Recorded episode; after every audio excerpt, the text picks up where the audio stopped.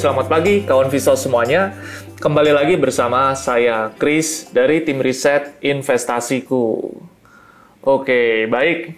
Selamat datang ya untuk di pagi ini di tanggal 4 Januari 2024 dan saat ini dan hari ini saya akan membahas kembali untuk market outlook dan market review perdagangan lalu sampai nanti kepada rekomendasi saham yang akan saya berikan di akhir sesi.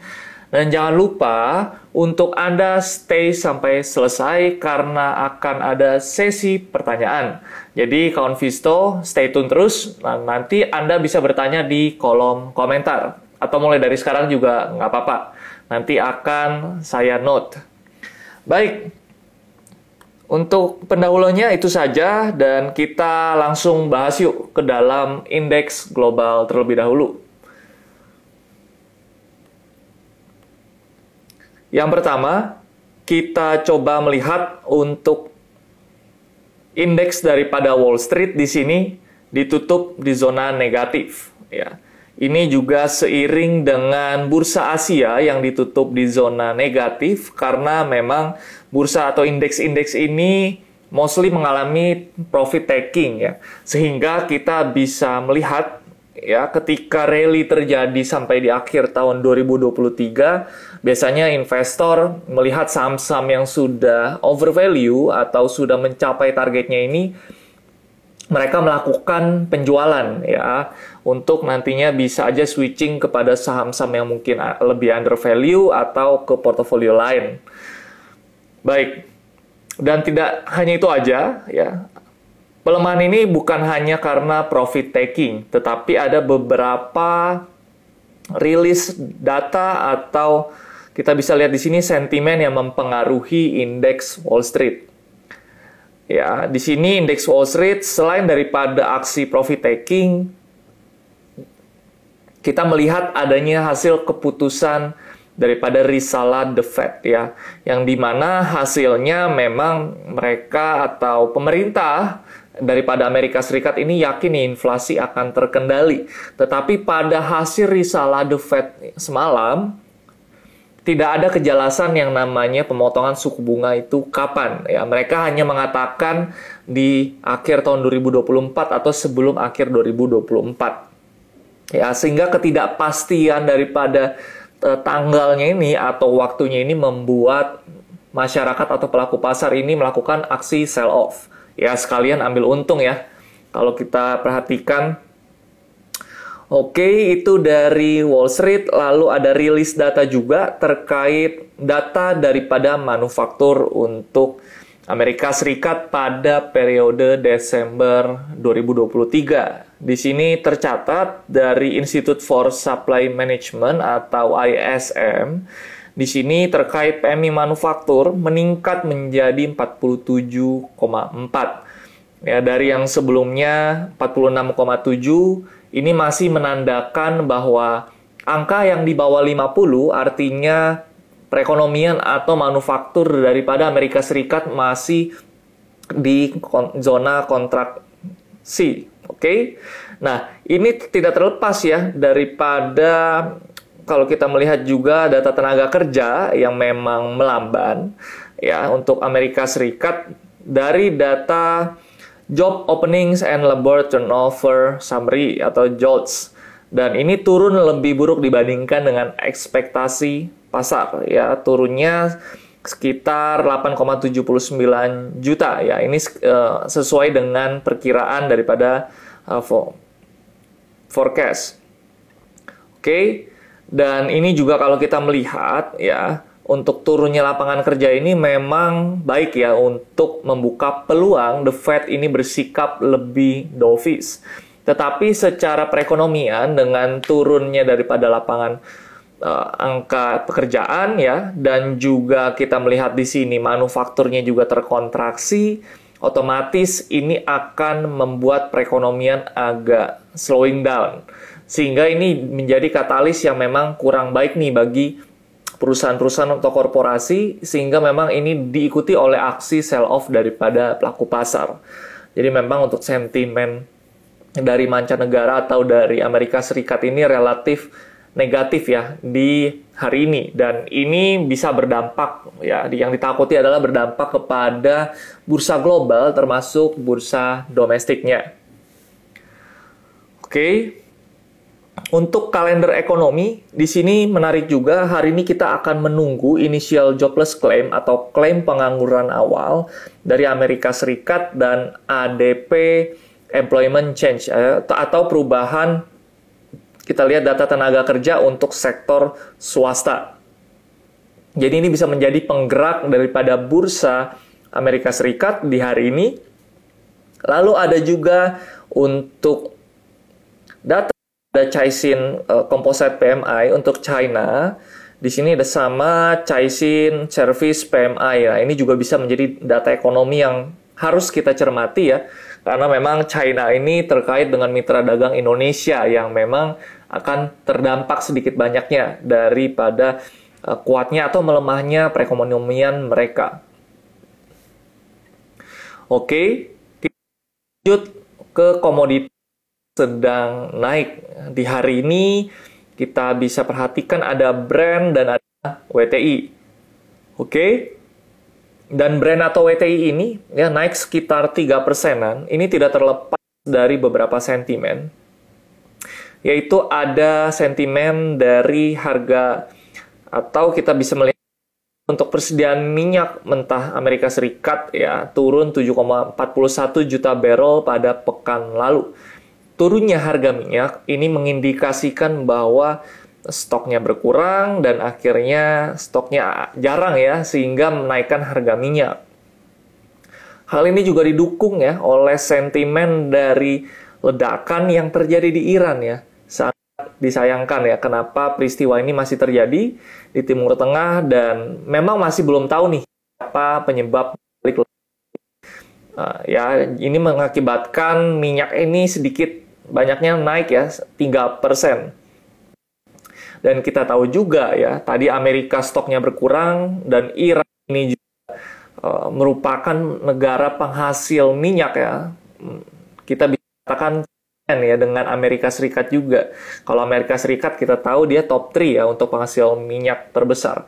Sehingga ini membuat ya ekspektasi pasar minyaknya akan langka karena ada ledakan di Iran dan juga stok Amerika Serikat berkurang dan ini biasanya berkolerasi atau kita bisa melihat pelaku pasar mengantisipasinya ya dan ini bisa menyebabkan harga minyak ini melambung ya jadi Korelasinya seperti itu ya. Ya. Dari komoditas itu saja yang bisa saya sampaikan, tidak banyak perubahan ya. Kita beralih ke bursa domestik di sini. Oke. Kita bisa melihat untuk top gainer dan losernya ya. Untuk bursa domestik di sini ya dikontribusikan oleh empat sektor yang menguat ya yaitu ada teknologi, transportasi, infrastruktur dan cyclical. Oke. Okay? Dan untuk IHSG ya karena penguatannya hanya empat sektor tersebut ya dari tujuh sektornya ini melemah sehingga penutupan perdagangan kemarin terkoreksi minus 0,61 persen ya ini kita bisa perhatikan dan kita bisa lebih selektif nih dalam memilih saham-saham untuk stock di hari ini. Baik, kita coba lihat ke dalam chart IHSG. Ya, di sini pelemahan tidak terlepas dari merahnya atau terkoreksinya nih indeks di Wall Street ya. Ini juga berakibat pada minusnya atau terkoreksinya bursa-bursa di Asia karena memang uh, Amerika Serikat adalah negara dengan perekonomian besar di dunia biasanya mirroring terhadap indeks mereka. Oke, okay. dan laju IHSG ini juga tertekan oleh saham-saham big caps yang mengalami aksi profit taking juga dan terkoreksi sehingga ini membebankan pergerakan naiknya IHSG. Nah, di satu sisi ya, pada kemarin juga karena memang pelaku pasar domestik ini menunggu atau wait and see risalah rapat The Fed, jadi otomatis biasanya akan ada aksi profit taking terlebih dahulu, yaitu menjadi suatu hal yang wajar. Dan juga pasar ya di sini tidak luput dari ya, respon negatif terhadap imbal hasil treasury untuk 10 year ya yang 10 tahun sehingga di sini uh, membuat pasar ekuitas menjadi tertekan. Oke. Okay. Baik, itu review ya. Jadi asing kalau dilihat di sini memang masih kita melihat ya melakukan oh ya di sini. Oke. Okay. Sebanyak 290 miliar.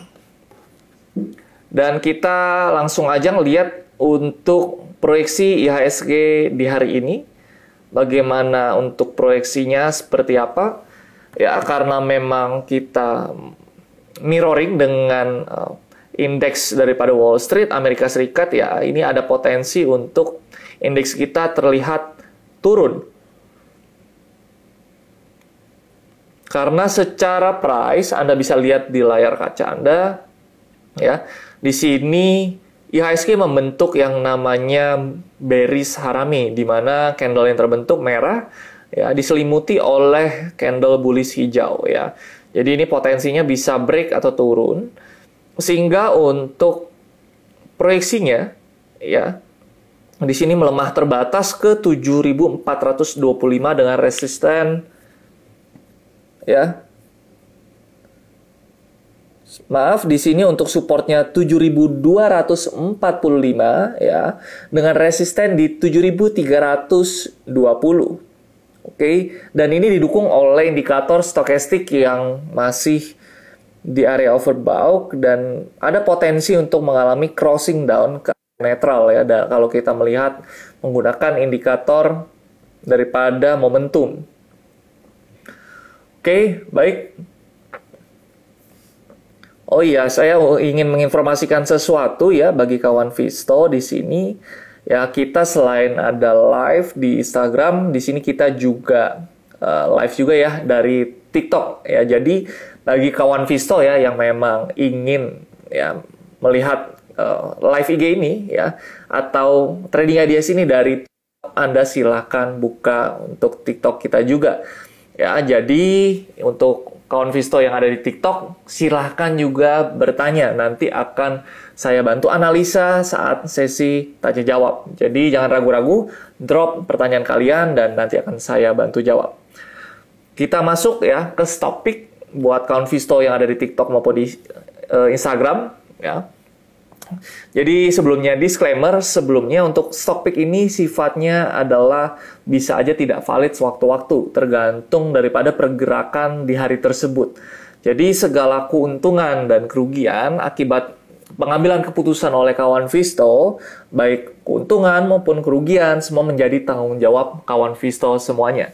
Jadi di sini ada 5 stock pick harap digunakan atau dijadikan watchlist atau bisa dijadikan panduan juga nih bagi kawan Visto untuk memilih saham dari sektor apa dan uh, favorit daripada kawan Visto saham apa ya. Oke. Nah, baik kita langsung masuk ke dalam stock pick ada 5. Di sini saham pertama Anda bisa lihat di trading view yang saya buka. Saham pertama untuk stock pick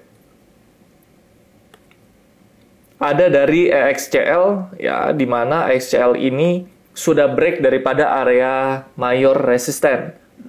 Yang sebelumnya adalah area support ya dia di breakdown lalu ditembus lagi ke atas ya. Sehingga XCL ini direkomendasikan untuk buy di area 2020 sampai 2050 dengan take profit 2090 dan stop loss di 2000. Kita beralih ke BSDE. Oke.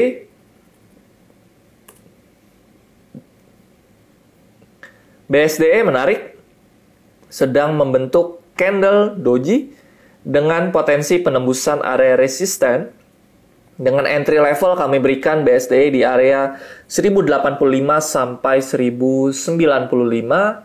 Okay.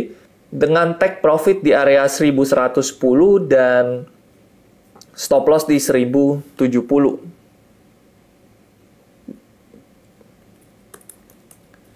Medco ya terkait sentimen daripada minyak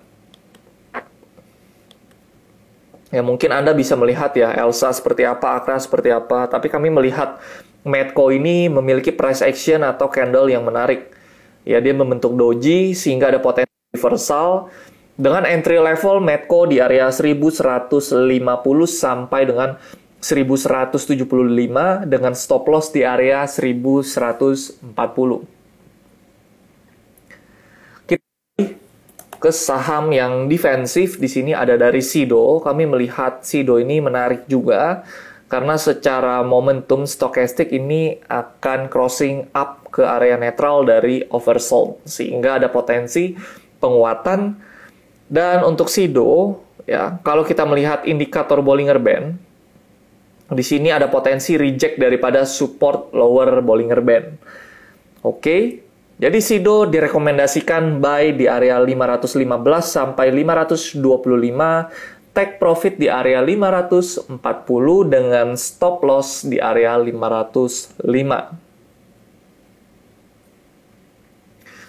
Kita lihat dari agro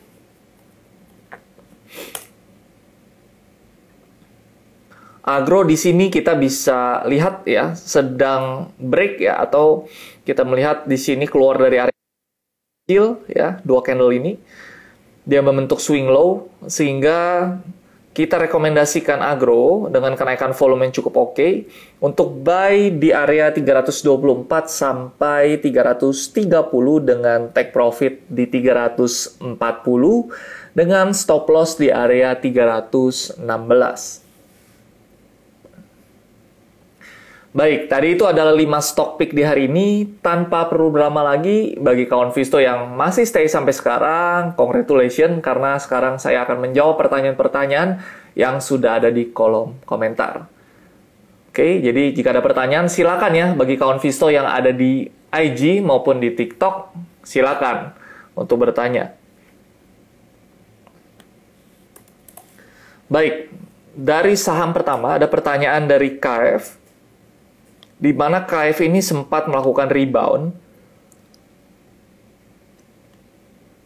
Dan hati-hati ya.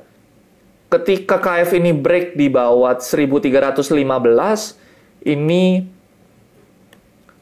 akan berpotensi turun dan untuk sentimen daripada saham kesehatan agak kurang baik karena per, per 1 Januari ya untuk 2024 pemerintah mengharuskan uh, vaksin COVID ini berbayar, sehingga ini bisa berdampak pada pendapatan dari saham sektor kesehatan.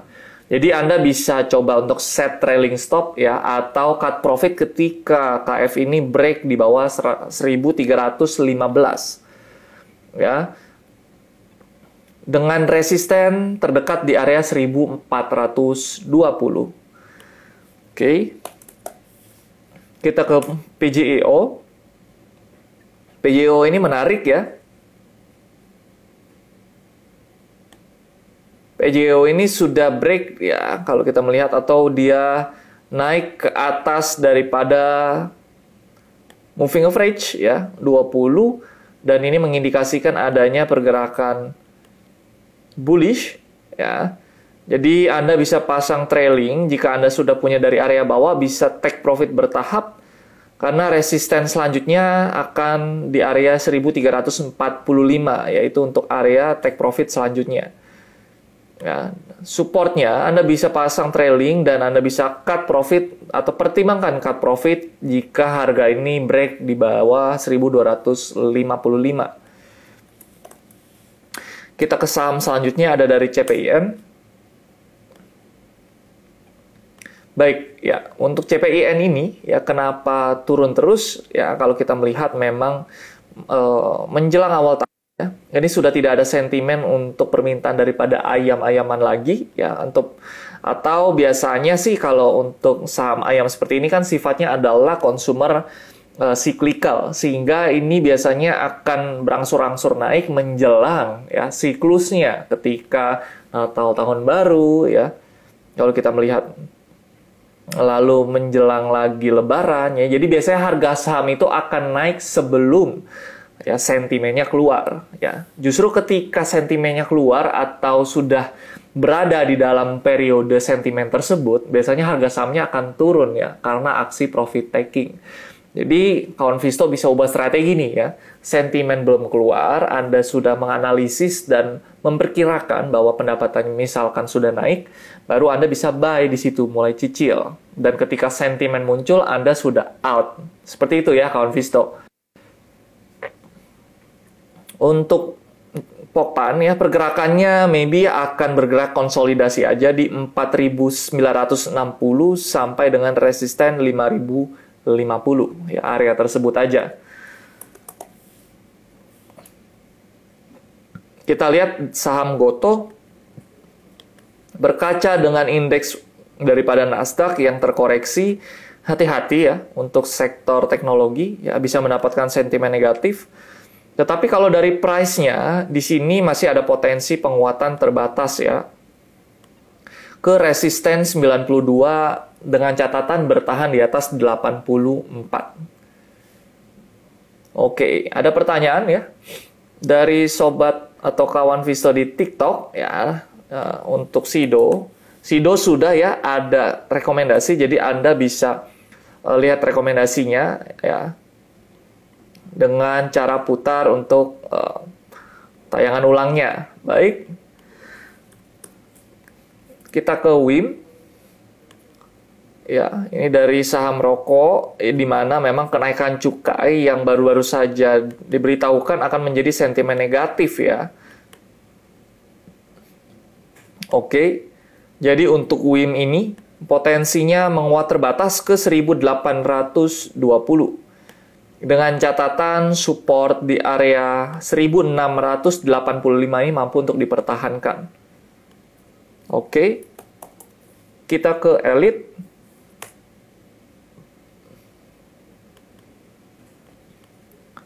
Ya, elit ini potensi ketika mampu bertahan di atas 91, maka target penguatan selanjutnya ada di resisten 95. Areanya itu. Oke, Goto tadi sudah dibahas ya, Anda bisa putar untuk tayangan ulangnya. Kita ke BTPS. BTPS terlihat ya ada rejection atau pelemahan dari area resisten. Area resistennya di 1690 dan saat ini peluang atau potensinya masih akan melemah ke support berikutnya di 1620. Itu untuk BTPS. Oke, ada dari kawan Visto di TikTok yang bertanya, kita lihat ada dari NISP atau Bank OCBC ya. Di sini untuk Bank OCBC memiliki area resisten di sekitar 1205 dengan saat ini momentumnya masih melemah ke area 1170. Jadi masih konsolidasi aja nih. Oke.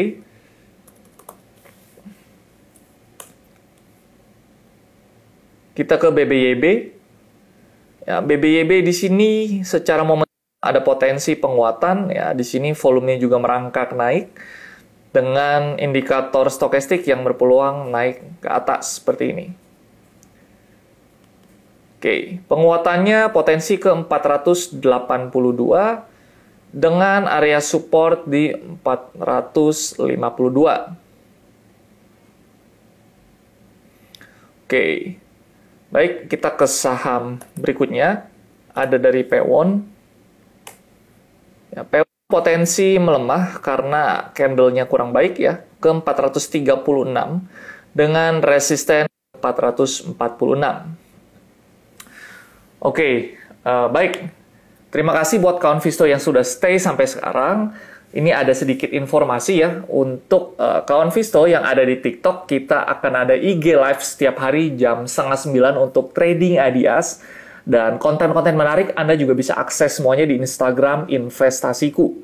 Dan juga jangan lupa kami akan ada edukasi saham terkait teknikal maupun fundamental setahun penuh di tahun 2024 karena akan ada video satu setiap minggunya yang Anda bisa nikmati secara gratis dan jika ada pertanyaan juga, Anda bisa nanti join grup WhatsApp kami dengan QR yang ada di video EduFest di YouTube.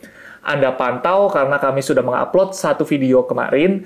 Anda bisa lihat untuk videonya dan terkait analisis teknikal, Anda bisa menikmati seluruh pembelajaran atau edukasi terkait dengan analisis teknikal yang tentunya bisa membantu Anda untuk lebih cuan lagi nih dalam trading atau investasi saham.